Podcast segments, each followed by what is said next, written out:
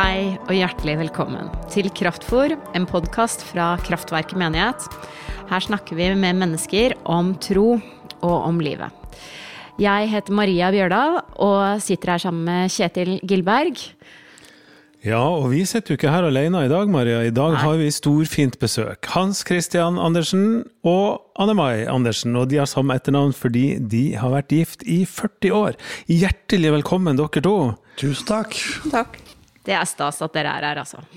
Det er stor stas. To personer som eh, har vært i kraftverket i noen år.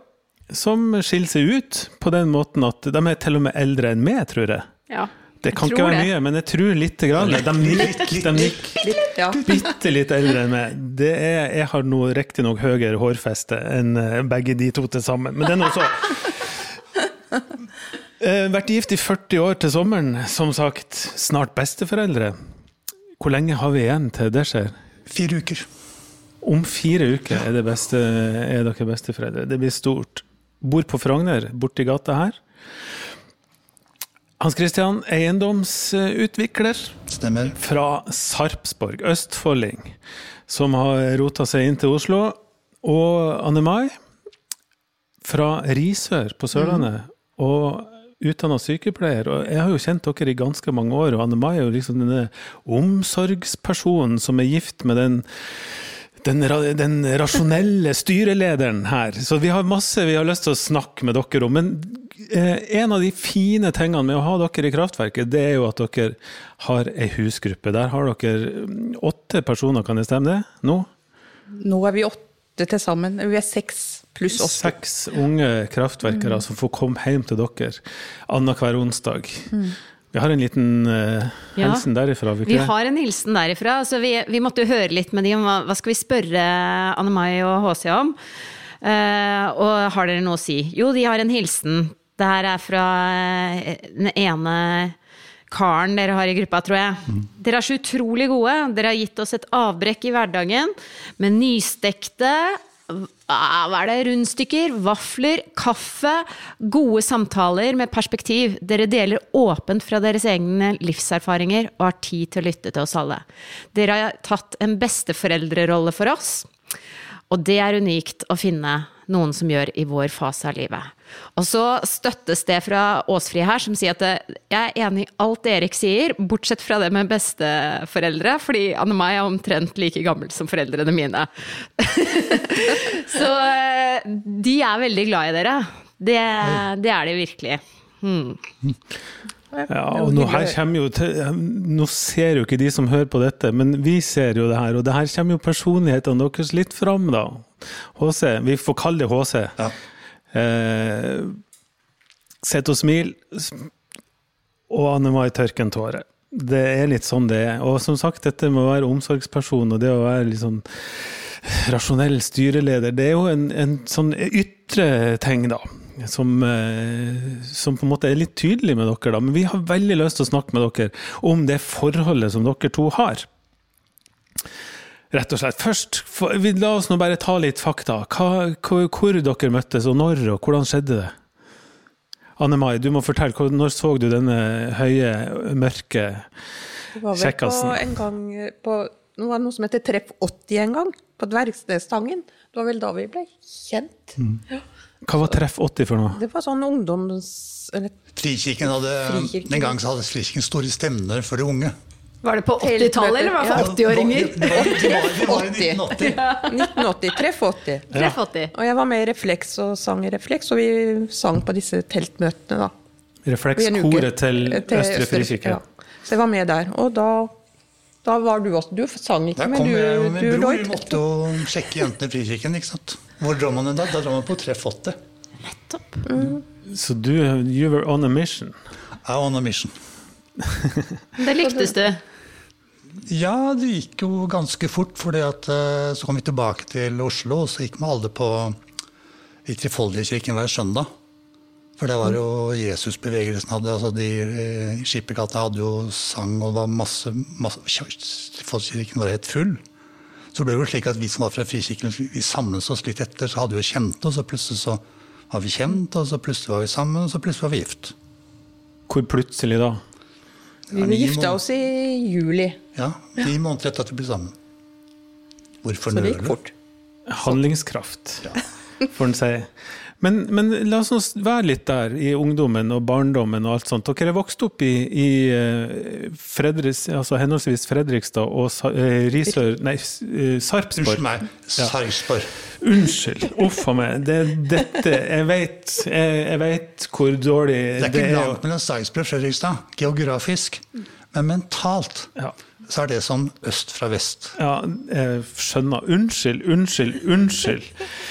Sarpsborg frikirke og, og Risør frikirke. Og så, Anne Mai, hvordan, hvordan var den oppveksten der, og, og det miljøet du hadde i kirka hjemme? Eller det som da var hjemme? Ja, nei, eh, jeg er jo en frikirkefamilie, så du sa vi blir besteforeldre snart. Og det vil si at han lille gutten som skal bli født om fire uker, han blir da sjette generasjon frikirke med til frikirketilhørighet.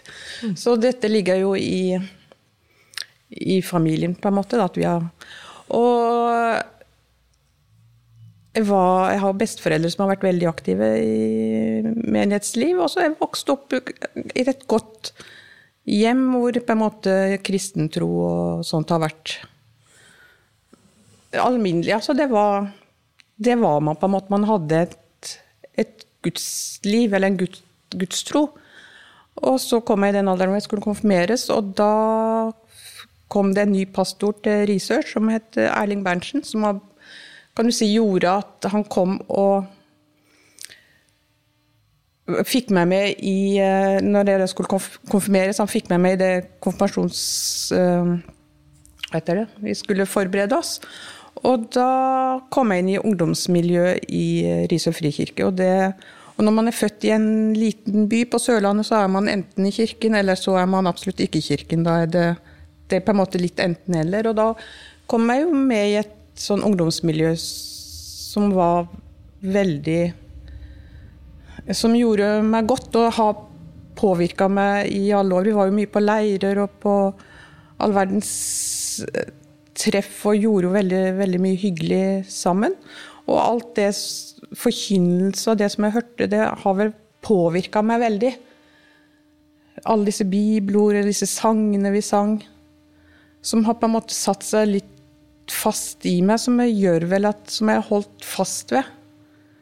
Og føler kanskje i dag kan jeg Du sa vi hadde en sånn husgruppe, og de hadde vi hos oss på, på onsdag. Og da snakka vi mye om Det var en veldig interessant kveld, og da ble det også snakk om dette med Som man gjør troen på en måte så vanskelig. Problematiserer den litt. Men jeg tenker men det gjør, jeg føler i den sammenhengen at jeg har vel en barnlig tro. Om ikke barnslig, men barnlig. Og alle disse ordene man fikk. Jeg vil lære deg og vise deg hvor du skal gå, og jeg vil gi deg råd med mitt øye. Det er noe som har fulgt meg. Og det er vel den erfaringen da som har gjort at jeg på en måte sitter her i dag. Tenker jeg litt og kjenner jeg på. Så fint. Da, eh, har du hatt sånn, Hans Christian, en lignende oppvekst da i en eh, Min har nok vært enda mer intens enn meg, fordi at uh, mine besteforeldre uh, var ekstremt engasjert i Frikirken. Mine flere tanter og onkler, og min mor og far var ekstremt engasjert i Frikirken. Så jeg har nok vært all in siden jeg har vært ett år. Da ble jeg liksom bare satt på bagasjebrettet, og så var det på søndagsskole, og så har det vært eh, Og Frikirken på den gangen, på 60-tallet og 50-tallet, det var all in. Det var ikke noe, uten, det var ikke noe utenfor. Altså, alt som var utenfor, det var mer eller mindre skummelt. Og i Sarpsborg var det slik at eh, En liten bisetning, men kino var jo sunn den gangen. Men 1. og 17. mai så var det gratis å gå på kino i Sarpsborg. Og da satt alle ungene fra Frikirken på første benk. For da burde vi ikke spørre hjemme om å få penger å gå på kino. Så det, det, det var en all in. Så kan man si, Var det klamt? Ja, det kunne blitt klamt, men for meg så har jeg sett på at vi ville jo egentlig bare vårt beste. Og så slapp de oss til. Altså, vi fikk jo veldig tidlig oppgave hvis de ville. Og på den måten jeg kom inn i oppgaven, var sånn 12-13 år, på junior, og etter hvert så bare, så bare balla det på seg hver gang noen ville ha noe, så rakk du hånda hver, så fikk du lov til å gjøre hva som helst. Og i min familie var det like at var det innenfor kirken, så var det ikke grenser. Lommeboka var åpen, bil til disposisjon, huset, kjøleskapet, you name it. Liksom, om jeg kom hjem klokka tre om natta, spilte ingen rolle. Men var det ikke kirken, da var det mm, 'Hvor har du vært? Er det bra?' og, og så vokste jeg opp med dette, men på et eller annet tidspunkt så måtte jeg ta et standpunkt. Ok, gutten min, du er født inn i dette, men står du for det? Og da måtte jeg jo liksom Jo, jeg står for dette. Uh, og for min del var vel at uh, Dette er jo ganske mystisk, det henger jo ikke sammen, så det er jo ikke logisk på noen som helst måte. Men så begynte jeg å titte litt rundt meg, titte ut i kosmos, så fikk jeg ok, Dette kan jo ikke bare komme av seg selv. Og hvis du da først aksepterer at jeg aksepterte jo det er en gud bak, så syns jeg det andre også faller ganske greit inn. For hvis det er en gud bak, som har stått bak alt dette her, da er jo alt det andre bare Ok, fikser han det, så fikser han resten. Det høres ut som begge to har ei, ei veldig lys tru, hvis det går an å bruke et sånt ord. Ja. At eh, dere Ja, vokste lyst, opp i et, i et miljø som var bra, som dere tenkte godt om. Og ei tru som dere oppfatter som bra for dere. Du beskriver det her, du eh, Ja, er det rett? Ja, Har, absolutt. har dere bevart den? Ja. Den barnlige trua?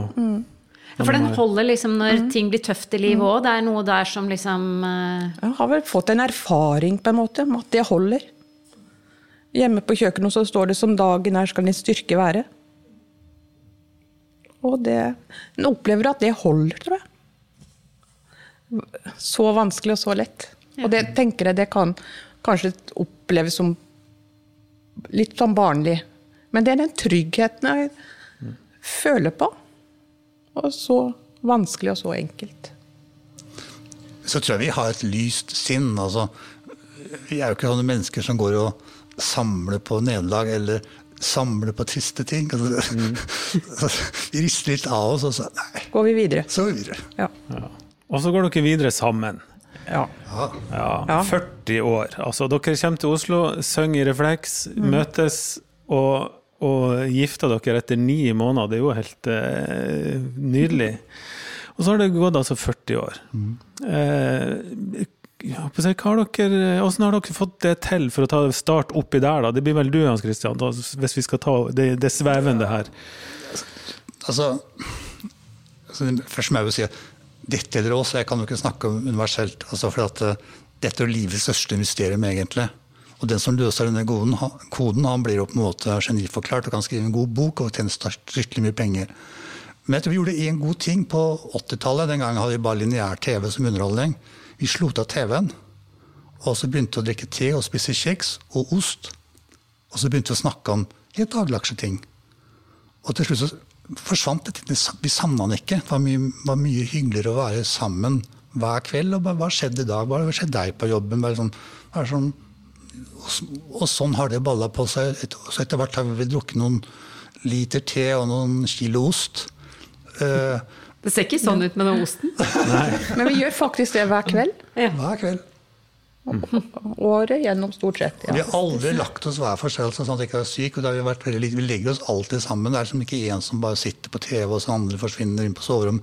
Altså, vi, vi er mye sammen. og jeg tror på en måte Ja. Og vi vil si at ingenting er ditt eller mitt, men alt er vårt.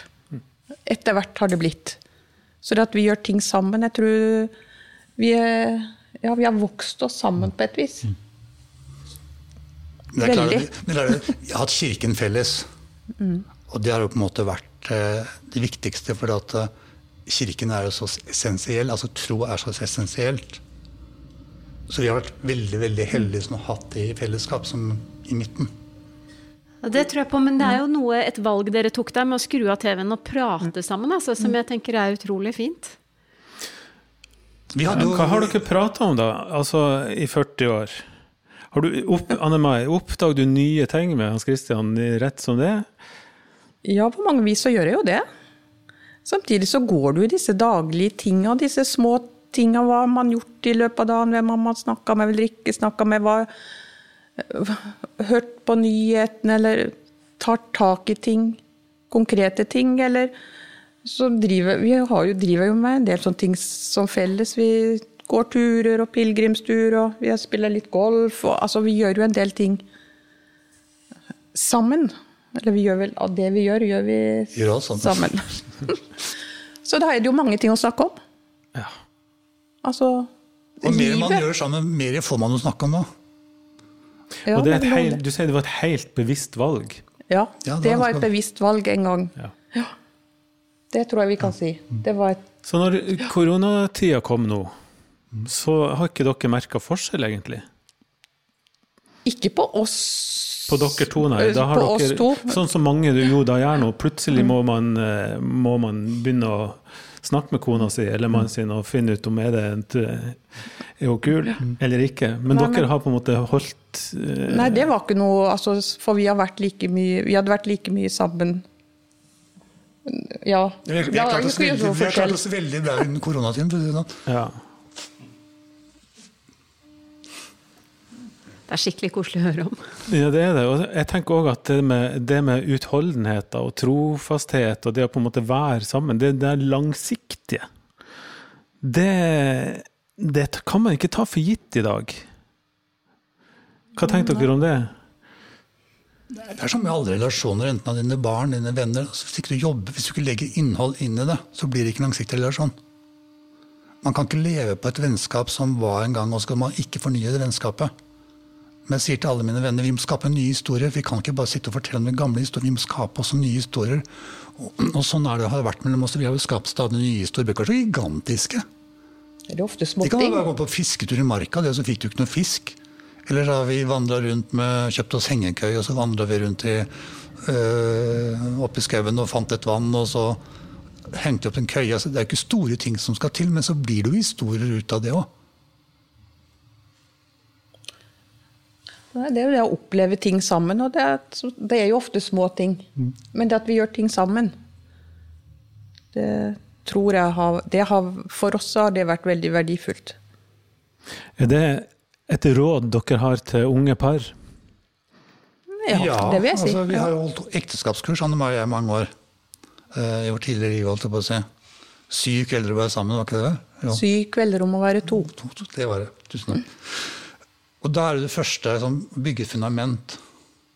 Det er liksom forutsetning for alle relasjoner, ikke bare ekteskap, men vennskap eller barn. altså skal du ha et fundament, og et fundament må jo at du må, du må finne noe som har er samme sted, hva det nå enn er. Og så får hver finne ut hva det er. Om det er å gå på ski, eller gå på to, tur, eller spille kort, eller you, you name it. Men, noe, men har man ikke noe felles, så får man ikke vært mye å snakke om heller. Og nå har vi ikke samme TV å snakke om engang. Vi vokste opp med bare- én kanal, så alle visste hva som var på TV, men nå vet man jo ikke det engang. Så det er en større utfordring da, kanskje. Ja, og ja, åpenbart. Ja. Altså, det, vi, vi vokser jo opp og lever med veldig forskjellige ting. Mm. Og forskjellige inntrykk. Sånn sett var det veldig gøy når at på det glade 80-tallet, jeg husker jo godt det, vi lurte på eh, Vi kom på skolen på torsdagsmorgenen og snakka om hva som skjedde på Dynastiet på onsdagskvelden. Ja, nei, ikke sant? Og det, og det å ha noe felles. Men nå har jo vi jo blitt Man er jo tvunget til å være hjemme nå i disse tider. Så man ser jo på Det er jo Netflix og HBO og Guri, men da ser vi jo på ting sammen. Det er ikke sånn at vi sitter med, med hver vår hver vår eh, pad og så ser. Da ser vi sammen, og så har vi det, og så kan man jo undres og diskutere det også, da. Sånn sett så Dere har også hatt ekteskapskurs i kirkelig regi, og det er jo bare én av veldig, veldig få ting. Nei, en av veldig mange ting. En én ting som dere har gjort eh, Det her ble jo bare rot, men det er én av mange, mange ting som dere har gjort i kirka. Altså, i, siden dere var født, da, siden du var, født, var ett år, var det du sa, Hans Christian, så har det liksom vært en del, kirka vært en del av livet deres. Og eh, jeg får høre, Anne Mai, hva, hva slags oppgaver har du hatt i kirkelig regi opp igjennom?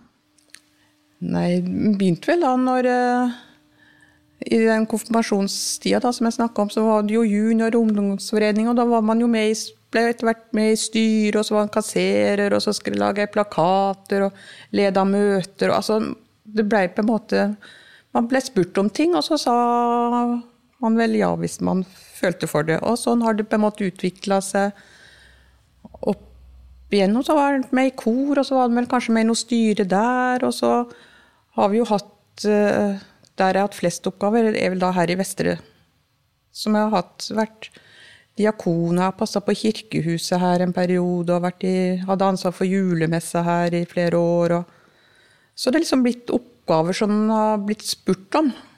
Og så har han tenkt hm, kan jeg det? Ja, ja. Ja, jo, jo. Så har han tatt på seg jobbansvar, da. Og arbeid.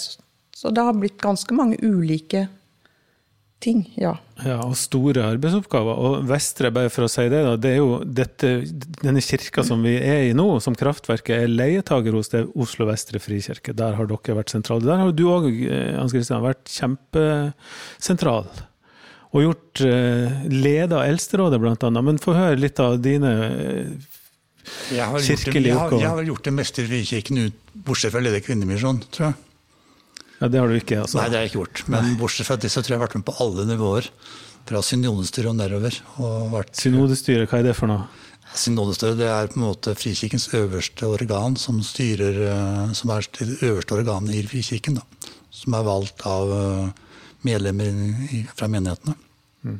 Så da satt jeg i to perioder. Jeg ledet økonomisk råd. Jeg, ledet, altså, jeg har vært veldig mye borti administrasjon og økonomi. For det er vel at jeg er jo siviløkonom, og det er ikke så veldig, veldig mange eh, med min bakgrunn som er i kirkelig sammenheng.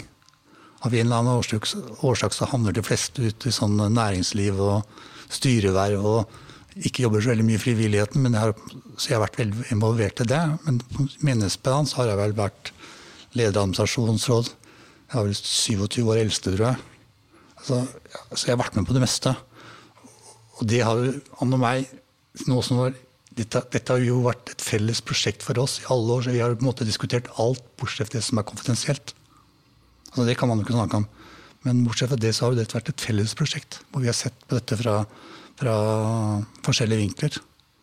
Og veldig mye av de jeg har lansert og foreslått, har jeg jo egentlig fått fra Nomai hjemme på kjøkkenbordet. Du har gått hennes ærend, altså? Ja, ja det blir jo det. Du, du, har jo det. Altså, jo. Vi har utviklet det, for hun er egentlig ganske glup.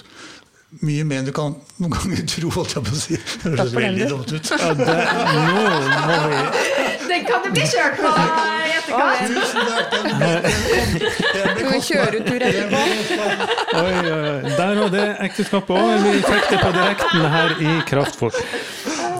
Nei, men det er vel det vi sier, at det er, det er de meste ting som kommer ut av vårt hus, det er vårt. Det er ikke ja. mitt eller hans, det blir vårt. Det, det, kvernes hjemme hos oss. Veldig mange ting. Over, derfor, over, en kopp te og en ja, kilo ost. Ja. Men er det du prøver å sette ord på hos henne, om at Ann Mai er litt mer forsiktig med å jo, si altså, tingene sine, og du, du melder deg på du sa 'jeg kan godt avbryte', men sånn meg kommer ikke til å avbryte så fort. Altså, jeg er født opp i en familie som er italiensk. Altså, den som roper høyest, han har de beste argumentene. Det som er det jeg levde med. Det er tre gutter, da. Ja. Og, en, og, og, en, mor som på en måte var diskusjonsvillige. Og jeg har vel alltid vært den typen som satt på første benk og viftet med armene. Jeg, jeg, så, så, så, så, legger du på meg en femkroning, så kan jeg prate ganske lenge. Uh, så, jeg kan jo kanskje virke mer dominerende og fremoverlent. Og jeg er jo da enebarn. Ikke sant? Oppvokst alene. Jeg jo, satt jo pent og venta på ord, eller kanskje ikke ja, hvis jeg ble spurt om noe. Så kom inn i den familien og den tradisjonen. Det var jo ganske heftig. Så jeg er liksom vant til å Mens du rekker opp og ja, er ivrig. Jeg må litt mer forsiktig. Men jeg kan jo ha like mye meninger for det, ja. ja, ikke sant. Da, men da tenker jeg at det som dere har gjort da, som et felles Dere har hatt ulike oppgaver i kirka men mm. et felles prosjekt. Det er det mm. dere sier, egentlig. Mm. Men det å være der i, i, og, og, bruke så mye tid og mm. krefter, og engasjement, ikke minst, da. Hva hvor, Ja, hvor kommer det fra? Jeg tror det kommer fra det som jeg litt begynte med, at det, det er en holdning man har i seg. Som har på en måte bare vokst. Og så har en erfaringer man har fått som man får liksom det, ja, har dere gjort det som en slags plikt, at her trengs det hjelp? Eller er det et indre drivkraft som tenker at her kan jeg ha det fint samtidig, eller være, få utretta noe, eller skjønner dere forskjellen? Det har i hvert fall blitt det. Jeg syns det har vært veldig meningsfullt. Altså, det er noe av det mest meningsfulle siden Jeg har stelt mye med penger, men penger er penger, altså. Det er en grei ting, men det er bare penger. Folk er viktigere. Ja, og tro. Altså, dette handler på en måte litt om liv og død. Uh, og det er jo så essensielt at uh, jeg tror nok jeg er preget av den fortellingen om forvaltning av talentene. Altså man skal komme med sitt. Alt er like stort, men du skal komme med ditt. Men samtidig så har det gitt meg ekstremt mye glede. Det har aldri vært noe plikt. Altså, det har vært en, en glede som har utfordret meg på de emner og de anlegg jeg kanskje har. Da. Og Derfor har jeg gått i de retningene. Jeg hat, altså Det som var skrekken da jeg vokste opp, det var når man hadde sånne såkalte bønnemøter.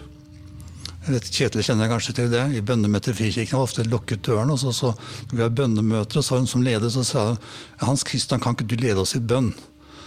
Da kunne jeg ønske liksom, Kunne noen bare åpne en lem i, i, altså, Gulvet. i gulvet?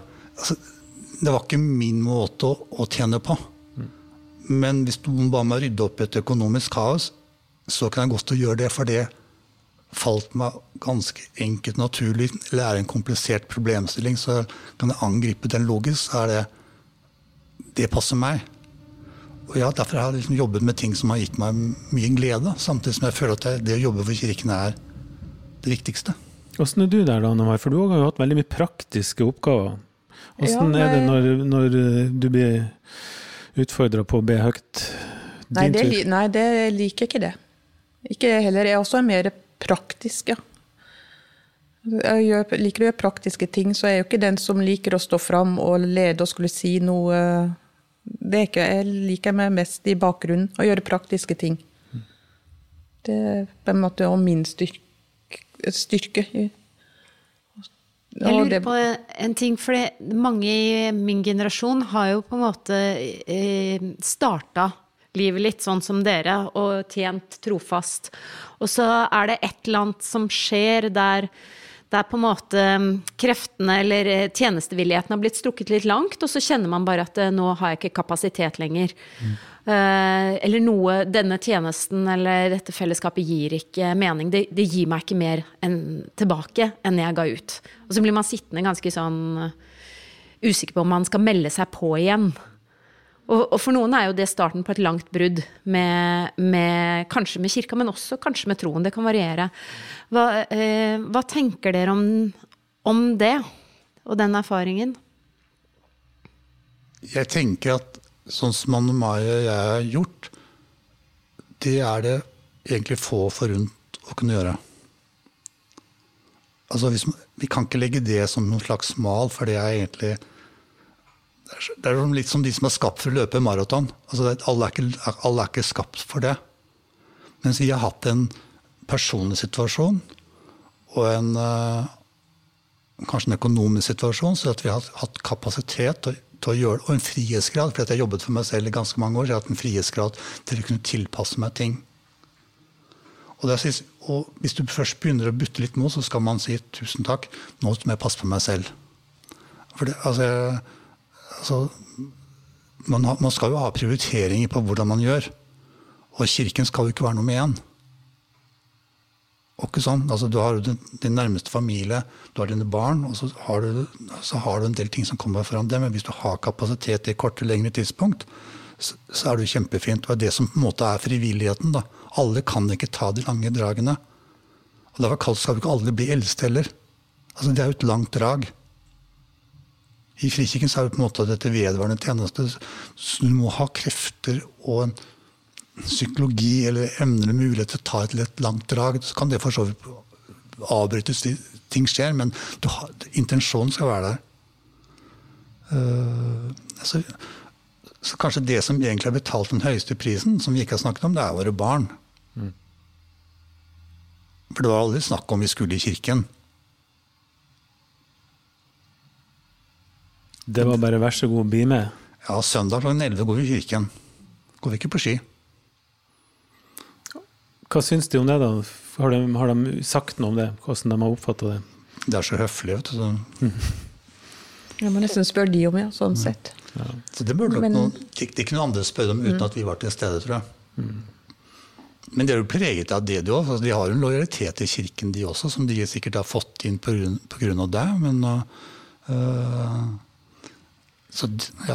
Men det er jo òg en, en, av mange årsaker til at folk forlater kirka etter en stund. Det er jo at nå er ikke ungene mine involvert der lenger. Mm. Og dermed en ikke, føler en ikke en forpliktelse til å drive ungdomsarbeid eller barnearbeid eller et eller annet, og så, så feider det ut. Mm.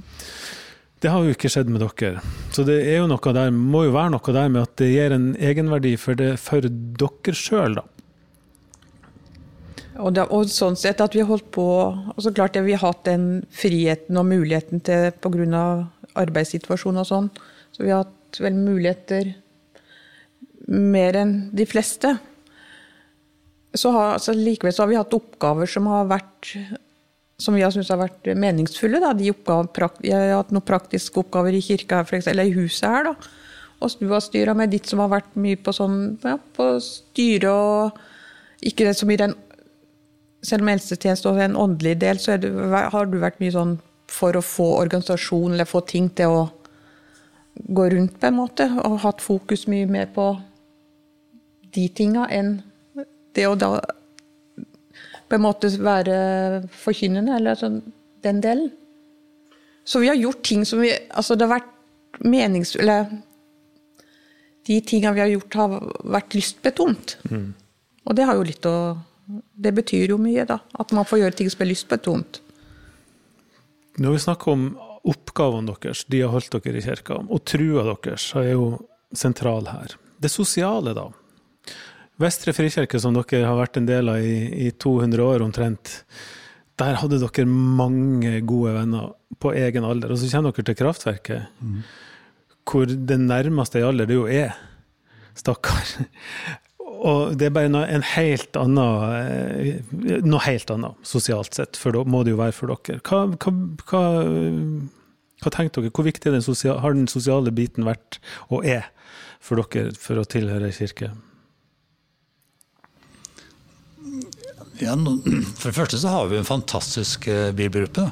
Altså, det er jo ekstremt morsomt for oss å få besøk av eh, de mellom 20 og 25. Det er jo yngre enn våre barn nå, etter hvert. Og det gir oss et innblikk i denne, hvordan ser denne generasjonen på livet, som vi alle ville fått å bare være sammen med våre egne. Og vår egen generasjon det begynner å bli ganske daff, for å si det sånn. Men vi har, jo, mange, vi har jo gode relasjoner. Altså, og det vi på en måte har uh, kommet fram til, er at du, du, can't, altså, du kan ikke ha alle relasjoner på, på ett sted. Altså, du har forskjellige grupper som du jobber med. Det er liksom, du må ikke legge opp at de menneskene skal, gjøre sammen med skal gjøre alt fra A til Å. Så vi har bibelgruppe her, og så har vi en litteraturgruppe der, og så har vi besøk med dem der, og så er vi på seiltur med dem. slik at vi har mange forskjellige grupper, som, relasjoner som har bygges opp over de siste 40 årene. Men det er jo sånn at den, vi hadde jo, som du sier, mange øh, venner i Vestre, og de har vi jo fortsatt. Mm. Og vi har jo en gruppe der som jeg, vi er åtte stykker, og vi har vært sammen nå i 40 år, det snart 40 år, det òg. Så vi har holdt på en gang i måneden, kanskje. Vi møtes og treffes. Så vi har relasjonene til vår egen generasjon, vi har jo de fortsatt. De bånda vi har knytta men de er altså ikke avgjørende da, tydeligvis for å tilhøre kirken? Nei. Nei. Eller nei.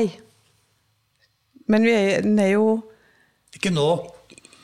Nei, ikke kanskje, nå, nei. Kanskje, kanskje, var viktigere, kanskje var viktigere før. Når, når, ungene var små, slik at vi hadde en større gjeng sammen. Uh, slik at unger og barn var sammen. Og, og vi drev og speiderarbeid en periode, som var litt morsomt. Uh, og da var nok de relasjonene mye mer viktige for, for å ivareta våre barns også sosiale omgang, ikke bare oss selv. Men helt ærlig nå, dere. Eh, når dere kommer på en søndagsgudstjeneste utafor koronatida, da, mm. så sitter dere jo alltid på nedre halvdel på venstre side, sett fra mm. døra, og så braker det løs der. Eh, liker dere egentlig musikken i Kraftverket? Altså, unnskyld meg nå. Unnskyld meg. Når er jeg født? Nei, det vet jeg ikke. 1872. Okay. Akkurat der. Når braka det løs musikalsk? Det var 50-tallet og 60-tallet. Så jeg er født opp med Rolling Stones og Beatles. den generasjonen, den musikken her, sprenger jo ikke mine ører. Det er, det er tilbake der vi var for 50 år siden. Det må være såpass, mener du? Ja, ja. Jeg liker jo det. Gjerne for meg kan skru skikkelig Det kjenne at det noen ganger rister i kroppen. Altså, da har jeg Anne har bedre hørsel enn meg, så hun syns det er kanskje litt mer. Men jeg synes, det er jo ikke, det er jo ikke noe grensesprengende. Nei. Syns du altså, Anne Mai spiller han høyt på stereoen hjemme, eller? Det er ikke så veldig høyt, men det spilles mye musikk hjemme hos oss. Men og det er ulik musikk, så, det spiller, så musikk, vi er jo glad i musikk.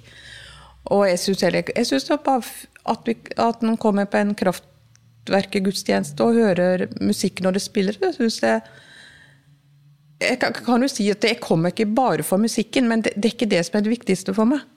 Men hva dere formidler av Eller så ord betyr mer for meg. Men altså, musikken, det, det er jo at de som står og spiller, de står at de, jeg ser at de liker det, og de trives med det, og folk, mange går her pga. musikken. Og så tenker jeg det er jo superflott. altså men jeg, det må jeg si at når, når, når det spilles da sanger med mye musikk, og ikke forfatter teksten, og så hadde en periode det kom opp en liten setning eller et ord oppe på skjermen hvor, som sa noe om hva den sangen eller musikken handla om. Og det syns jeg var kjempefint, for da kunne det komme et eller annet ja, Et ord du kunne feste ja, blikket som, på som. Ja, som feste, som på en måte underbygde det den sangen eller musikken som ble framført eller brukt, da. Hva den ville si. Og det synes jeg var, Da fikk jeg noe å henge på, det synes jeg kjem. Og da kan du være så høyt og, som du bare vil. Det er litt sleivete spurt, da. Men, men, eh, men det jeg egentlig vil vite, det er jo om dere kommer og setter dere på benken der, og, er, og så er dere heiagjengen, eller er dere der for deres egen del?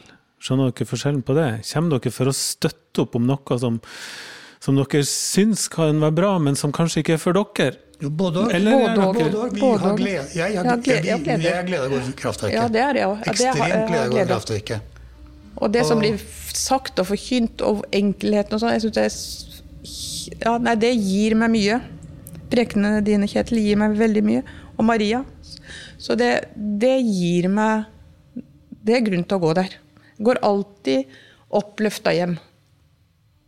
Men det er utrolig fint å være nå i støttefunksjon og ikke lederfunksjon.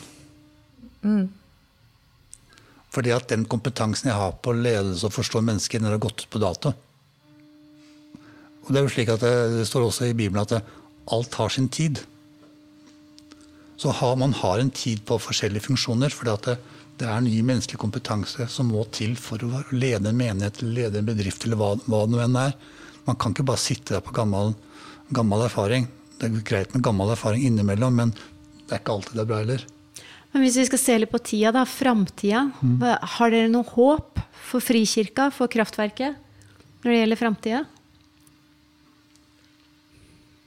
Ja, altså, dere må benytte den muligheten dere har til å treffe unge mennesker. For det er mellom 18 og 25 de viktigste valgene angående tro skjer. Det som ikke s- på plass før det er 25, er vanskeligere og vanskeligere.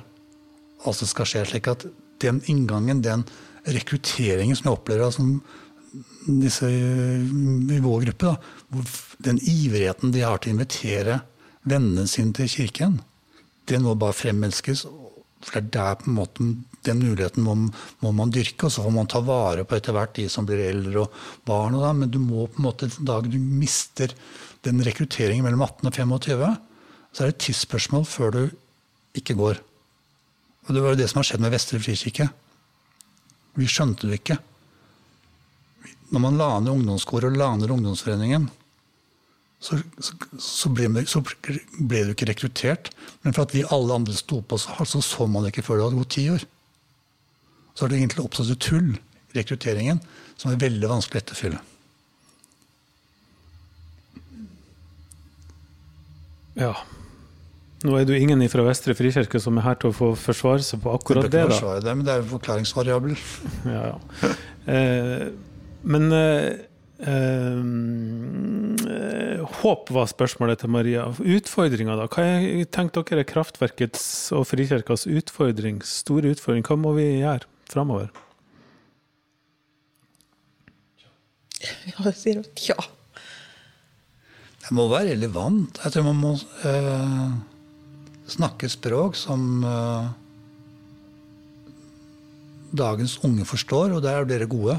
Og, du må, det må dere bare forsterke. Altså, dere må ha en fortelling.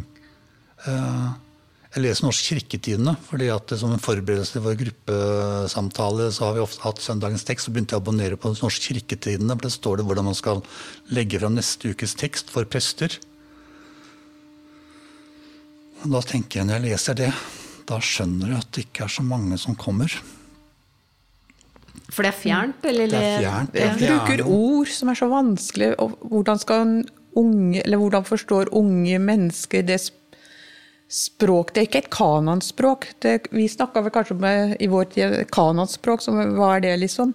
Men nå er det ikke det språk, men et annet eller den høy, kirkelig ord og vendinger som jeg tror kanskje ikke unge mennesker forstår. Så det å bruke et forståelig språk, så at det blir, at det blir relevant for, unge, eller for mennesker i dag, da, det som uh, forkynnes.